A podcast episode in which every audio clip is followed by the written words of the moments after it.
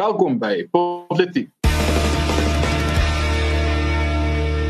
Ek is Erns van Sail, saam met my atoe is Daniel Elof en Paul Marits en in vandag se episode uh Cecil val weer, Lesofie wil beheer en taxi reis gekeer.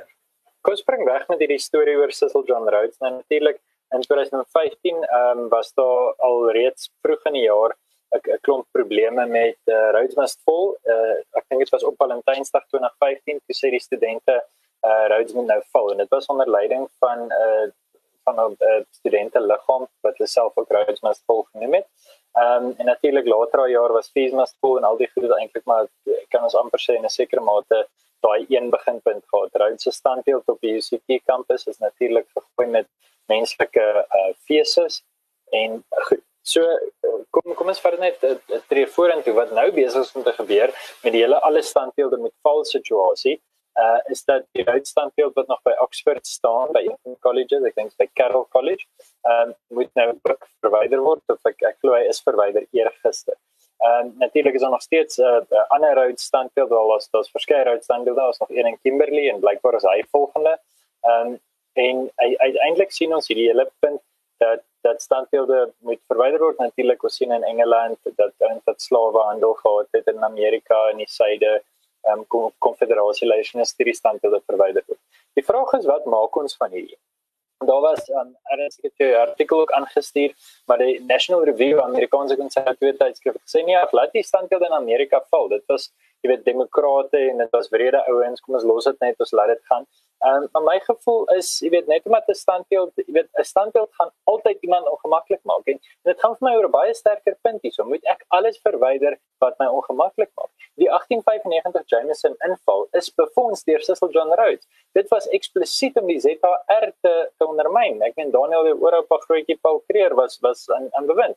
Maar jy weet, daai standbeeld is nie verwyder nie. Hoekom nie? Want ehm um, deur deur al die tyd by die Afrikaanse Republiek gehad het in van die 40s tot die 90s hoekom want die gedagte was al stem ons nie meer saam nie dit jy weet dis baie keer goed om om te onthou waar ons vandaan kom en te onthou kom ons voorouders gedoen het wat hulle gedoen het. Ehm um, so dis dis 'n breë inleiding die ja die rooi standbeelde en ek dink 'n klomp standbeelde in Suid-Afrika gaan 10 teen 1 verwyder word in die volgende ruk soos wat standbeelde in Amerika en in Brittanje en reg oor die wêreld nou verwyder word. Ehm um, en ek ek dink nie dat dit 'n volhoubare manier is om die geskiedenis te benader nie. So van van my kant af hierdie is 'n verskriklike interessante debat. Dis 'n debat wat uh in formele sirkels waar kom dit kompetisie kompetisie debatte gevoer word en dis natuurlik iets wat in die openbare domein nou uh al meer na vore gekom het en natuurlik begin by al hierdie allerlei standbeelde wat in geval by UCT en so van 'n paar jaar terug. Nou ek ek het 'n dink ek 'n moontlike kontroversiële uh opinie oor verstandbeelde oor die algemeen en ek dink dis dalk uh dalk kontroversieel vir 'n sekere gedeelte van ons luisteraars maar 'n sekere gedeelte nie. Ek dink dis waar my my as ek nou moet sê my my skeidslyn tussen uh konservatief in terme van konservatief by die huis maar teenoor libertaries oor hoe ek voel die regering behoort te funksioneer. Is ek dink hierdie hierdie hele probleem kan so maklik en eenvoudig opgelos word indien daar nie openbare ruimtes is wat aan die staat behoort nie. Want goed, sodra daar openbare beruimtes is, byvoorbeeld Kerkplein waar soos wat jy reg reg uitgewys het, Paulus, my agteroupa grootjie se standbeeld nog steeds mooi daar staan al is hy omheen op die oomblik. Ehm um, maar maar jy het hierdie Kerkplein, dit behoort aan 'n munisipaliteit, dit behoort aan 'n regering. Met ander woorde, die regering moet nou gaan bepaal is hierdie standbeeld aanvaarbaar, is dit nie en daar's die hele diskussie. As Kerkplein volgens my in privaat besit as 'n aan iemand behoort het wat besluit waar hierdie stuk grond wil ek as 'n plein gebruik, dan is die debat anderste want dan gaan dit oor die gebruiker of die mense se besluit om daardie plek te besoek. Met ander woorde selfs so met 'n museum of kom ons sê ek besluit ek wil Cecil John Rhodes se standbeeld vat en ek wil dit opsit by Brooklyn Mall want ek besit Brooklyn Mall. Dan is daar keuse vir die mense om uit te oefen. Ek dink dis wat die hele debat moeilik maak. Dit is omdat ons openbare ruimtes het. Omdat ons hierdie plekke het waar die staat amper in beheer is en nou met hulle nou half nou met hulle kant kies en nou het ons hierdie gesprekke wat ek kan sê is in beginsel stem ek met jou saam Paulus. Ehm um, daar is goed wat ongemaklik is in die verlede. Dit dit is 'n feit. Daar's soveel herinneringe in hoe ons samelewing vandag bestaan wat mense moontlik uh, mee kan aanstoot neem. Dat is onmoontlik om elke liewe een van hierdie simbole te verwyder en ek dink hierdie hele standbeelde moet val beweging gaan eintlik maar net oor 'n breër sosiale en maatskaplike probleem wat ons hele wêreld het en dis dat ons besig om boos mense groot te maak. Ons is besig om 'n samelewing wat pyngevoelig is te kweek en dis die eintlike wortel van die probleme op die oomblik. Van oor hierdie fyngevoeligheid wat ons besig om te kweek en elke liewe mens hoe hulle is geregtig om verontwaardig te word. Hmm. So uh, nog 'n politikus in Suid-Afrika wat uh homself uitgespreek het oor hierdie saak was Musi Maimane nou hierdie week en hy het ook weer gesê maar dit is so duidelik om te sien wat se standbeelde verteenwoordig bose mense en wat se standbeelde verteenwoordig nie. Dis is dit glad nie 'n 'n moeilike besluit om te neem nie en ons weet presies waar die on die lyn te trek is eintlik wat hy maar ehm um, wat hy maar impliseer het. Maar dan toe my my reaksie op hom was maar moes jy dis baie le lekker groot praatjies van jou as jy as jy al jou waardes en al jou idees presies oplyn met die tydsgees van die tyd. Ehm um, dan is dit maklik om te sê maar moenie moenie bekommer nie eh, ons sal by die die die slegte standbeelde sal verwyder word maar by die goeie sal ons stop. Wie besluit wat wie is die bose standbeelde of wie is die goeie standbeelde? Dit raak dit maar net besluit deur wie en mag is en Musi Maimane se ideologie en sy idees en waardes is tot 'n meerderheid uh, in in mag op die oomblik in Suid-Afrika en sy idees soos ek toe gesê het Ehm um, Musi Maimane is seker die die persoon of die politikus in Suid-Afrika wat die meeste ehm um, uh, 'n slaaf is van die tydsgees in terme van as jy vir hom 'n uh, New York Times uh, opiniestuk 'n paar ehm um, uh 'n bekendes wys wat uh, 'n uh, sekere saak ondersteun op sosiale media en miskien 'n 'n hitsmerk wat trend uh, dan sal jy hom kan kry om enigiets te ondersteun uh, solank as wat dit net uh, gewild is in daai tyd. En ek dink dis die wat ons hierso sien met baie van hierdie standbeelde is die feit dat dit is maar net die die die tydsgees wat bepaal wie is boos en wie is nie. Maar hierdie mense dink nie verder as hulle neus in terme van maar wat gebeur as iemand aan bewind kom in 'n paar jaar wat my standbeelde wat ek as waardevol ag uh, gaan sê maar hierdie was terroriste of hierdie was bose mense en dit moet verwyder word. En in terme ek dink die hoof die die hooftema wat ons hier sien is dat op die ou end volgens hierdie standaarde kan geen uh, standbeeld die die toets van tyd oorleef nie. Soos wat uh die tyd uh, tyd aanstap gaan ons net sien hoe elke standbeeld op die ou end as daai standbeeld of wie ook al dit was ge um as ons na hulle kyk uit die lens van ons tyd en on die, die morele waardes van ons tyd en die morele standaarde van ons tyd gaan geen standbeeld op die ou en die die toets van tyd kan oorleef nie. Dan kan ons net sowel nou hulle almal afbreek want daar's geen manier dat daar 'n standbeeld is wat uh, die wat in die ewigheid dan sal oorleef nie. Ehm um, maar ja, ek weet eh uh, uh, Paulus, jy het ek en jy het hieroor gepraat in privaat uh, hierdie week en ek uh, ek sou graag wil uh, wil hoor wat jy dan verder het om te sê. Ja, ek ek wil by altyd van julle aansluit. Daniel, ek het onlangs 'n artikel van uh, Douglas Murray gedeel op uh, op sosiale media waar hy ongelooflike raak opmerking maak. Hy sê ons is die tyd waar dit meer belangrik is vir jou om veilig te voel as vir my om reg te wees. Bedoelende dat ek moet die hele tyd versigtig wees vir almal anders se gevoelens eerder as om dit wat feit is te stel. Ben Shapiro maak 'n voorbeeld, maar vir my om te sê dat iemand met manlike geslagsorgane 'n man is, mag ek nie meer sê nie. Dit kan gesien word as geweld. Maar fisiese geweld om mense aan te val, om vensters te breek en goed te vernietig, dis nie geweld. So ons sien duidelik dat woorde nie meer betekenis dra nie, 'n duidelike teken van 'n sterk sosialistiese revolusie wat uh George Orwell al klaar in 1949 in sy boek 1984 uitgewys het. Um die idee van double speak, die idee dat woord nie meer iets beteken nie wat hy self krities ook in in Animal Farm uitgewys het. So daai is definitief 'n ding wat ons op moet let.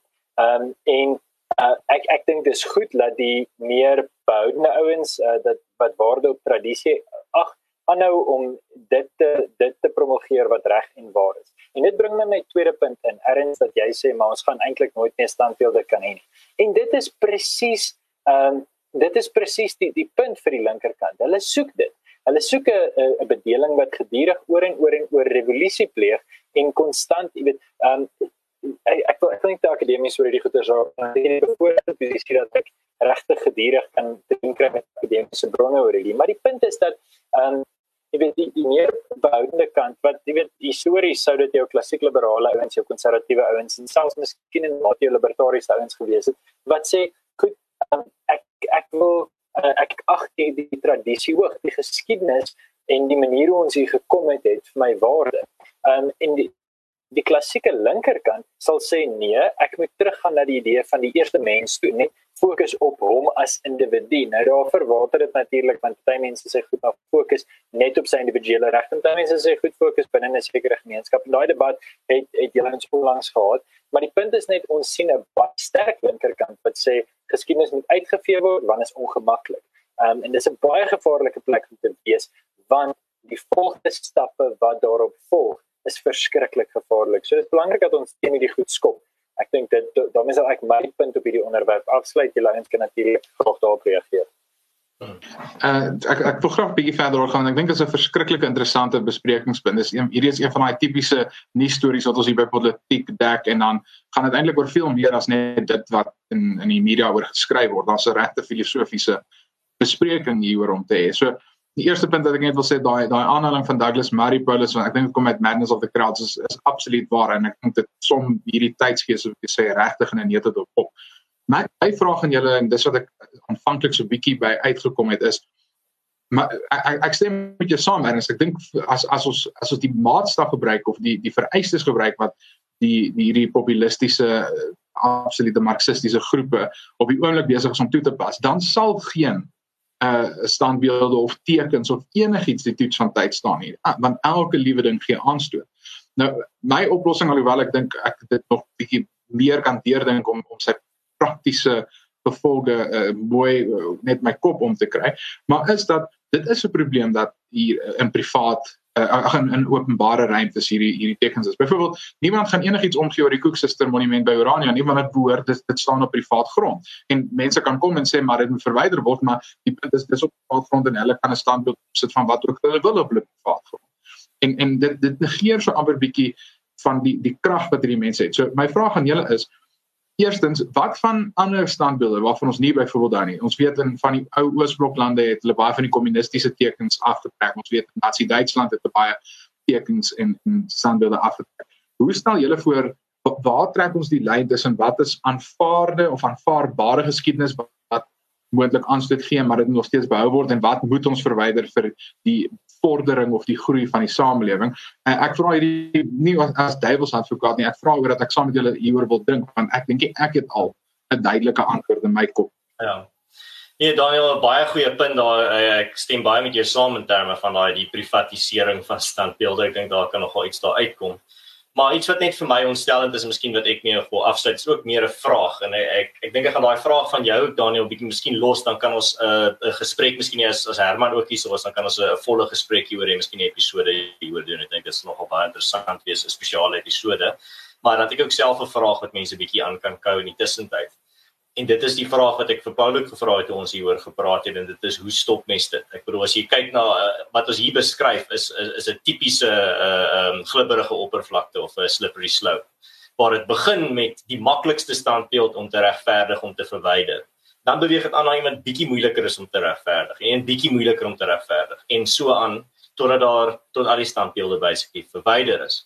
Maar dan moet jy die vraag vra hoe stop mens hierdie slippery slope? Waar trek mens die lyn? Want ons kan duidelik sien dat ons ideologiese opponente en ek praat nou van die ideologies besetenis het bly nie by hulle beginsels nie. Hulle het absoluut geen uh van hierdie beginsels wat ons hou in terme van uh respek vir jou opponent uh of vir uh vir mense wat jy nie mee saamstem nie of mense wat jy uh wie se idees jy dalk aanstootlik vind nie. Hulle wil hierdie soort mense vernietig. Um hulle wil mense wat hulle nie mee saamstem nie vernietig en dan sê dan probeer los gerusstel deur te sê maar ag julle moenie bekommer nie ehm um, ek ons gaan net ons sal by die by die slegte standbeelde op ons op ons al die slegte standbeelde verwyder het en dan het ons net die goeie skoor en ons weet presies waar hierdie lyn gaan wees en julle moet maar net vertrou dit van moenie moenie bekommer maar ek het nou al lank genoeg in die Republiek van Suid-Afrika geleef uh, sedert 1994 om te weet dat daai soort beloftes is absoluut leeg en uh, daar daar's geen stop nie. As daai trein eers aan die gang kom, het hy nie brieke nie. En my vraag dan sal wees, hoe stop mens daai soort slippery slope? En die ding is en dis wat ek vir Paul gesê het, ehm um, gaan jy op die ouend is jy bereid om jou eie beginsels op te gee of bly jy by jou beginsels? Want om jou beginsels op te gee sal beteken dat ons ook nou ehm um, standbeelde begin verwyder en presies dieselfde taktieke gebruik as ons opponente. Maar dan laat dit my dink aan daai aan die Bybelvers van uh, Matteus 16 vers 26 van wat sal dit 'n man baat as hy die wêreld verkry maar in die proses sy siel verloor. En ek hmm. dink dit is een van die groot vrae wat ons vir onsself kan vra in die tussentyd uh, en dan miskien as ons nou daai volledige gesprek het kan ons bietjie dieper daarin gaan. Nou gepraat van toe ek uh, gesê het en verwys het na die uh, Koeksuster monument by Oranje en dat niemand regtig enige gesê het oor of hy moet val of nie. Bring dit ek dink ons mooi by ons tweede besprekingspunt vir vandag se onderwerp en dit is meneer Lesofie wat alweer uh, sy neus in sake indruk waar hy nie veronderstel is. Hmm. Ja, wat so uh, Panjaza Lesofie het nou weer hierdie week uh, ons moet die Lesofie hoekie terugbring. Ehm um, het weer hierdie week uh, op op sosiale media gegaan met sy uh ehm um, sy kruistog teen Urania wat hy probeer uh, vernietig en sê maar dit moet verwyder word. Daar's geen plek in Suid-Afrika vir so 'n uh, 'n dorpie nie.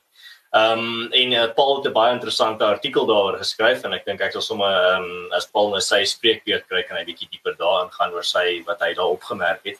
Maar vir my is dit net my groot ding daar is ek dink uh, Suid-Afrikaners wat 'n probleem het met Urania moet vir hulle self en wat nou op sosiale media gaan om uh allerhande absolute afskuwelike goed oor die dorpie te sê en hoe dit vernietig moet word en nie bestaansreg het nie moet vir hulle self vra. Hoekom gee 'n dorpie van uh 1500 mense in die middel van die woestyn uh vir hulle slapelose nagte? 'n Dorpie wat hulle nie eers as ek vir hulle 'n uh, 250 km uh radius van uh van margin of error gaan gee, hulle nie nog steeds nie op die, op 'n uh, landskaart vir my kan wys waar dit is nie. Hoekom gee so 'n dorpie vir 'n slapelose nagte? Hoekom is so 'n dorpie so erg dat dit skuim by hulle mond uit wat uitkom as hulle daaroor praat? Ehm um, ek dink dis 'n belangrike vraag wat baie van hierdie ouens vir hulle self moet vra en bietjie hard in die spieël gaan kyk want ek dink daar's iets dieper daarin. Die probleem is definitief nie Urania nie, maar miskien is die probleem in die spieël. Ja, so ek ek dink dat ehm um, My ervaring is dat die gemiddelde swart persoon in Suid-Afrika en ek kan nie praat namens die gemiddelde swart persoon in Suid-Afrika kan nie, maar my gevoel wat ek kry op sosiale media is dat baie van hulle nie so sterk daaroor voel nie. As jy vir hulle sê luister, jy het sê skei op Zululand of kwa kwa wat ook al, ek het Orania, ek bly nie noodwendig in Zululand nie, maar dis 'n plek waar jou kultuur vry kan is. Dan vir meeste mense maak dit sin hulle is rustig van jy en jy kan af met die gesprek. Die ehm um, die nie nie almal nie natuurlik nie wat wat my dadelik laat onraad merk het en uh, ek ek sal die artikel uh, op Facebook ook deel maar ek het dit al klaar op, op uh, ander vorms van sosiale media gedeel die artikel wat ek vandag vir Marula Media geskryf het is meer 'n analise as wat 'n artikel is. Um, maar dit is interessant wat my laat onraad merk het is op watter punte meneer Lesofie elke keer praat oor uh, oor Ania of oor Soltech of oor Afrikaanse skole. Elke liewe keer as ek gaan kyk, is dit as hy persoonlik of as sy departement droog gemaak het. Wanneer het hy 'n probleem gehad met Soltech, toe sy departement 1,2 miljard rand te veel spandeer het. Wanneer het hy begin stil bly? Oomblik toe sy eie mense het gesê luister jy's jy's van die pad af. Nou ewe skielik kom die storie uit dat Intuit EN2 IT uh inligtingstegnologie maatskappy wat elke maand 150 000 rand borg vir Marokko Swallows, waarvan hulle Sofia eienaar is, dat hulle 'n tender vir 30 miljoen rand gekry het. Nou ewe skielik Ehm um, nou wil hy oor Orania praat. Gaan kyk 'n bietjie. Hy hy die opmerkings oor Orania gemaak by Harry Gwala se graf tydens 'n kraansleg. Nou sê hy in die noorde van KwaZulu-Natal besig om 'n kraans te lê en by iemand se graf wil hy oor Orania praat en dat almal in Suid-Afrika moet oral kan bly. Dis uh, absoluut 'n nonsens in elk geval. Die hele punt van privaat eiendom is dat jy die reg het om, jy weet sekere goed te omhei. En dis hoekom ek op hierdie stadium besig is om in die 17de eeu bronne te gaan indel vir hierdie goeder. Maar ek meen as ek nou instap by Centurion Golf Club en ek sê vir hulle kerels, ek gaan net op die 18de green gehou vir my shack bou. Ek wil. Dan gaan hulle vir my sê jy's absurd, jy gaan tronk toe. Daar's privaat eiendomsregte. Net soveel as wat daar 'n sekere vereiste is om daar te bly. In daai geval is dit 'n belaglike hoeveelheid kapitaal of toegang tot goeie krediet. Net so is dit heeltemal volgens my oukei okay, dat 'n groep kan sê luister hier wil ons op kulturele regte um, sê dis wat nodig is om te bly. Verder is dit as dit nie mag gebeur nie, is daar geen toekoms vir enige van die 11 tale of kulture in Suid-Afrika nie. Ons gaan sekulêr en verwesters of ons gaan Chinese word ons gaan Russies word of wat ek al my punt is, ons gaan heersende kultuur moet aanneem want gemeenskappe sal nie meer afhanklik kan wees. So dis 'n baie belangrike kwessie. Ehm um, dat of jy daarmee saamstem of nie, is belangrik dat ons hierdie punt maak. of jy daarmee saamstem of nie of jy self daar sal bly of nie is twee verskillende kwessies jy weet daar's baie mense wat sê ek sal net Porania kan bly nie wat dit was. En dis fyn jy het die regte mening te hê. Martin van Staden 'n vriend van politiek het het presies hierdie mening guldig hy sê hy sal nie self bly nie maar hy respekteer die reg van hulle om dit te mag doen. En nie as gevolg van artikel 235 van die grondwet wat dit toelaat maar as gevolg van die basiese beginsels wat agter artikel 235 lê. So ek is baie vurig oor hierdie kwessie van Jasa Lesofie gebruik Afrikaans en die Afrikaner om die aandag weg te trek van wanneer hy droog maak en tweedens wat dit impliseer dis sy beskouing van mense se regte en groepsregte is gevaarlik en moet op hierdie punt stry. Dankie. Ek sê met die song, Paulus, ek ek ek dink nee, maar um, jy jy 3 minute is nou verby. ek kan vir jou wat praat hieroor een een een vir die punt ek dink dit sluit weer aan by my my vroeër punt oor oor die standbeelde en privaat grond en waar mense verontwaardig daar mag voel of nie ek ek voel daar's 'n soortgelyke situasie hier wie gee om wat mense doen op hulle privaat grond? Dis dis presies dink ek Martin van Staden se punt. Hierdie is mense wat besluit het hulle wil in die Noord-Kaap gaan bly en hulle gaan hulle gemeenskap daar vestig en dis eintlik 'n vraag van vryheid. Of jy nou hou van hoe die mense hulle vryheid uitoefen of nie dit gaan nie daaroor nie. Dit gaan oor dat hulle reg het om dit te doen En maar, maar wat gebeur is daar's hierdie tipiese dubbelstandaard dat ons nie net in Suid-Afrika sien nie, maar dwars oor die wêreld. Ehm um, en en ek het gesien dat uh, ook een van politieke vriende en die aanbieder van die Gosenomics podcast Roan Gose het dit uitgewys waar hy het gereageer op Jimmy Ramaphosa. Ek, ek dink ek sê sy van hmm. korrekheid. Maar hy het gesê nee, maar ehm um, om te sê jy wil jou kultuur bewaar deur een van die gemeenskappe is maar eintlik net 'n kode woord vir rasisme. Nou in, in watter wêreld is is is dit waar? En eerstens ag en en dan toe in die tweede plek, hoekom geld dit net in een rigting? Hoekom is die Nguyama Trust wat op probeer kultuur bewaar, wat op probeer 'n gemeenskap beskerm en volgens hulle hulle uh, gebruike en gewoontes 'n uh, leef in 'n gemeenskap vestig. Hoekom is dit heeltemal aanvaarbaar, maar is nie aanvaarbaar vir 'n groep Afrikaanse mense om dit te doen nie? Uh, die, die hele punt is mense behoort die vryheid te kan hê om te doen wat hulle wil hulle as jy wil as as jy wil gaan en jy wil 'n hele stad bou as die as die feministiese beweging besluit dat hulle gaan gaan en hulle gaan 'n gedeelte van ehm um, fourways gaan opkoop en hulle gaan net 'n slegs 'n enkel geslag dorpie gaan stig behoort hulle dit te kan doen?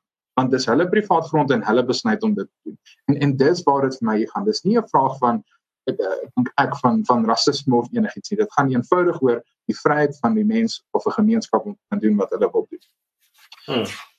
Nee, presies Daniel en uh, ek uh, ek wou net so 'n uh, aanhaling jy het uh, flip byse boek uitgekry, maar ek kan hom nie direk vind nie, maar daai uh, aanhaling wat ek heeltyd op sosiale media sit van uh, Milan Kundera oor klein nasies. Ehm um, nee, en ek het dit net in Engels hier op my skerm. Ek wou dit nou graag in Afrikaans hierdie boek uitgekry het. Maar uh, wat hy basies sê daarso is dat die die arrogansie van die meerderheid en die wat in mag is om altyd te dink maar hulle hulle kan nie hulle kan nie verstaan hoekom 'n klein nasie of 'n of 'n minderheid al hierdie regte wil hê of dat 'n minderheid sy kultuur wil beskerm. Dit is mos van selfspreekend. Ons almal se kulture gaan mos nog oor 100 jaar hierso wees. Hoekom praat julle oor sulke bogging? Ek dink dis wat hierdie hierdie uh, Jimmy ou gesê het op Twitter waar hy gesê het ehm um, uh om te sê ek wil my kultuur bewaar is eintlik maar net 'n kode vir rasisme. Absolute bog man. Dit is my dis absolute arrogansie net van die van hierdie meerderheidsdenke. Ehm um, maar natuurlik soos ek vir Jimmy gesê het, sê nat, natuurlik Jimmy, jy sal nie verstaan nie want jy is nie in die posisie van die Afrikaner nie. Jy sal nie verstaan nie want jou die voortbestaan van jou kultuur is nie elke dag. Daar's nie 'n vraagteken oor die voortbestaan van jou kultuur elke dag nie. Die goed wat uh, jy as ehm um, van selfsprekend aanvaar elke dag is goed wat minderhede elke dag moet veg voor. So dit is nie vir my dis nie vir my vreemd dat uh, jy dan glad nie kan verstaan hoekom 'n groep mense uh, hulle eie uh, lot in hulle eie hande wil neem en hulle die voortbestaan van hulle kultuur vir hulle so belangrik is nie dit sien as rassisties nie. Um ek dink regtig dit is maar net soos ek sê, um daai arrogansie wat na vore toe kom van die wat diegene wat die leksheid het van hulle kultuur uh sal hulle die voortbestaan van hulle kulture selfspreekend sien. Ek dink dis 'n ongelooflike leksheid. Ek is baie jaloers op daai soort kulture. Ek sal dit graag vir my eie kultuur wil hê. Maar die feit dat hulle nie dit kan verstaan nie en dan daai um en dan daai onkunde gebruik om my klein kultuur aan te val is vir my iets afskuwelik. Dit is regtig iets wat ek nie voor sal staan of sal duld nie. En as ek iemand sien wat so uh, iets soos dit op sosiale media sien, sal ek hulle presies sê wat ek dink daaroor want dit is dit is hulle gemak wat hulle dan gebruik as die maatstaf om te sê maar ek het nie 'n reg dat dat ek moet veg dat my kultuur moet voortbestaan nie en ek dink dit is iets wat mense moet verstaan is die feit dat uh, 'n meerderheid kultuur gaan baie gaan die meerderheid van die tyd nie kan verstaan hoe dit is om 'n minderheid kultuur te wees nie of 'n kultuur wat nie ehm um, wat wat heeltyd bedreig word deur individue soos Panyaza Lesofie wat vir hulle sê maar hulle het nie 'n bestaansreg nie of hulle mag nie. Um om om te wil om te wil in 'n straat bly waar mense jou waardes deel en jou kultuur deel en jou taal praat en en, en uh, jou godsdiens deel om vir daai mense te sê dit is iets dit is iets boos dink ek is iets dit is net absoluut afskuwlik. Ek dink dit moet enigstens geduld word nie. Maar uh, gepraat van goed wat uh, lyk my nie nou geduld word nie. Uh, Daniel, jy wil ons bietjie praat van 'n uh, ontevredenheid daar by die taxi industrie. Ja, dis dis 'n nuus gebeur wat redelik vars is op die oomblik en dit is uh, ek ek wil nie eintlik net weer so erg fokus op die feit dat daar taksies is wat staan nie. Bedoel dis niks nuut nie. Ehm um, dis dis iets wat ons gaan gewoon geraak het. Vir my gaan die meer interessante besprekingspunt oor die die agtergrond oor die staking. So almal weet eh, of, of mense behoort sekerlik te weet dat die taxi verenigings is besig om op die oomblik te staak. Hulle is ontevrede met die regering se beplande hulle hulle te bail-out. Hulle wil die taxi bedryf help met monetêre ondersteuning en hulle het 1 miljard rand, 1 miljard rand uh uit op sy gesit om verskillende taxi eienaars te ondersteun in hierdie tyd.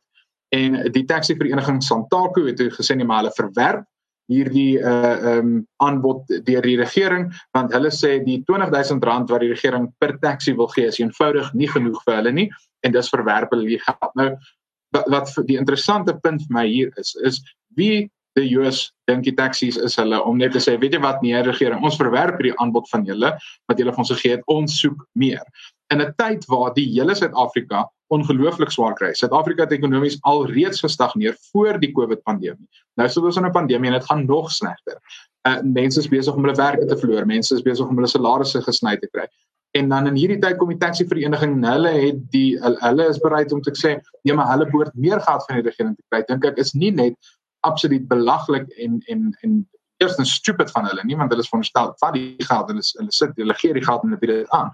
Maar ek dink dit dit is dit is eintlik op 'n manier verskriklik wreed van hulle om te sê hulle gaan hierdie hulp aanvaar nie. In 'n tyd waar ons nou net gesien het die Hooggeregshof in Johannesburg het gesê dat uh die die die swart ekonomiese bemagtigingsmaatreëls wat van die COVID geld wat hulle nou vir klein en medium besighede gaan uitdeel is nou onder die ewig aan BEE vereistes. Dis sê of ja wel dis aanvaarbaar, maar die taxi vereniging sê terselfdertyd nee, hulle dink uh, hulle hulle verdien meer geld. Dit is regtig waansinnig 'n uh, waansinnige tyd waarin ons lewe dat hulle kan dink nee, dis reg, hulle kan 20000 rand van die hand wys want hulle verdien eintlik meer in 'n tyd waar ander mense op die oomblik niks kry nie en waar mense ongelooflik swaar kry. My my punt hier is is 'n bietjie uit 'n ander hoek uit. Ek ek stem on vir my som Daniel, wat maar wat vir my skokkend was is hoe afhanklik ons van die industrie is. En ek dink nie ons besef dit nie. Ek het ehm um, ek op hierdie stadium enige getroue politiek luisteraar sal weet ek sou in April trou maar kon nie nou blyk my ouers in Johannesburg en ek dink jy op Pretoria toe dis ek my agtergrond elke week verander want ek gaan nou waar ek baie sterk bly maar goed hopelik binnekort sit opgelos. En ehm, dit nie dit nie nou relevant nie. Die punt is dat gister toe werk ek in Centurion en ek ry terug Johannesburg toe en ek stop by Mall of Africa want um, dis jy weet ek net my ietsie gekry het. En uh, toe staan 'n hele winkelsentrum. Ek praat van net as 10 voor 5. Daai winkelsentrum het stil gestaan. Hoekom? Want hulle sê want die hoeveelheid taksies wat beskikbaar is is beperk en hulle almal moet um, met die 5 uur taksi gevat het. So jy sluit 'n winkel wat gewoonlik 7 uur sluit. En um, sê ek was by Woolies. Hy winkel sluit om 'n kwart voor 7 en dan maak hy kwart voor 5 toe. Hoekom? Want die taksi industrie staak. En uh, dit is vir my 'n gevaarlike ding. Um, ten eerste want onthou hierdie taksies ehm um, is is het histories nie almal van hulle nie maar baie van hulle het histories 'n probleem gehad met goed soos die goudtrein met die busstelsel so wat ook al want dit ondermyn direk hulle besigheidsmodel. Ons weet dat die taxi-industrie um, gereeld met met misdaad uh, verbind word. Ons weet dat taxi-base in Suid-Afrika in 'n sekere mate is uh, in in die geskiedenis al soos mafia-base opgetree het. Ek gaan nou nie oor hulle kontemporêre optrede my my uitlaat nie. Ek kan nie, ek weet nie genoeg daarvan af nie, maar histories weet ons daar was al geweld tussen taxi-groepe. So daar's werklik waar hierdie kartel um, wat nie net die taxi-industrie nie, maar vervoer en Gauteng veral ehm um, absoluut oorheers en dis 'n bitterlike gevaarlike plek om te wees as jou kernfunksie op net een plek vassteek. Ietsie wat ehm um, baie nou in die nuus is is is eerste wêreldse westerse lande wat sê dat hulle hulle uh, produksieketings is te afhanklik van China en Taiwan en so aan en hulle moet daai goeder terugbring binne hulle eie staat want die hele gedagte van globalisme het ook so 'n bietjie misluk. Nou presies dit sien ek in terme van ons vervoersektor. Ehm um, jy weet busse is nie betroubaar nie. Die treine is skaars en laat en min ehm um, die staatstreine en almal is verskriklik afhanklik van die taxi-industrie. Ehm um, daar's te veel mag hier gesentreer. Ehm um, dis dis my analise hierop. Ek dink miskien moet ons 'n bietjie navorsing hieroor doen en dalk ietsie ietsie sinvol daaroor skryf. Ehm um, maar dit, kan regtig nie so aangaan. Ehm um, ja, dit is eintlik maar my my vat daar op Daniel ehm um, kan kan jy saamvat en terugbring na wat jy eintlik wou sê voordat ek hierdie syspoor gevat het. Nee, nee, ag, ek dink dit is nodig. Ek dink ons het dan 'n minuut tot op dit saamgevat. Ek dink ons kan dalk nou hier aan die sterkant van die episode vinnig 'n paar positiewe punte ook uitlig van die afgelope week. En uh, veral in hierdie tyd dink ek is dit so nodig vir ons om dan ietsie positief te sê. Van my kant af sal ek afskop. 'n uh, 'n groot pluspunt vir my is dat sport het weer teruggekom. Ehm um, dit is nie noodwendig vir my so lekker so wat ek verwag het nie want met die eerste wedstryd wat my sokkerspan in die Britse liga toe nou weer teruggekom het, het hulle 3-0 verloor teen Manchester City. Maar nou ja, dit daar gelaat. Ek is bly sport is weer terug. Is lekker om weer 'n bietjie rugby te kan kyk. En uh, natuurlik dan saam is die Politiek beker ons Fantasy Premier League uh terug en ons uh is bly en dankbaar vir al ons luisteraars wat daarbey aangesluit het en mag die beste man en of vrou en of nie binêre persoon wen. Ja, ek ek ek het nogals uh, destyds toe David Louise uh, na Parys toe gegaan het, ek dink ek ek ek sien so hartseer daaroor nie. En toe kom hy terug Chelsea toe, dink ek, mm, okay. En toe gaan hy Arsenal toe, toe gaan ek weer en ek sien so hartseer daaroor nie en uh, hy het definitief gewys watter waarde hy vir 'n span het. Uh, hy hy vir Chelsea baie mooi ondersteun in sy Arsenal try die afgelope week en die van hulle wat die wedstryd kyk het sal verstaan. Maar goed, um, vir my is die blinkkant ek, ek moet eerlik wees, ek ek is 'n redelik emosionele mens. Ek kom nie altyd so voor nie, maar ek kan my my traantjies lê baie keer bietjie vlak. Maar vir vir cute goed vir mense wat regtig vir hulle ouers die ekstra myl stap.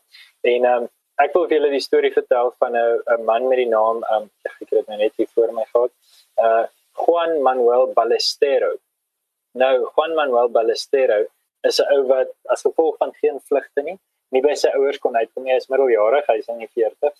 Hy kon nie by sy ouers uitkom vir Vadersdag nie sy ou sy ouers is al baie oud en toe besluit hy dan seil hy van Portugal af Argentinië toe oor die Atlantiese Oseaan.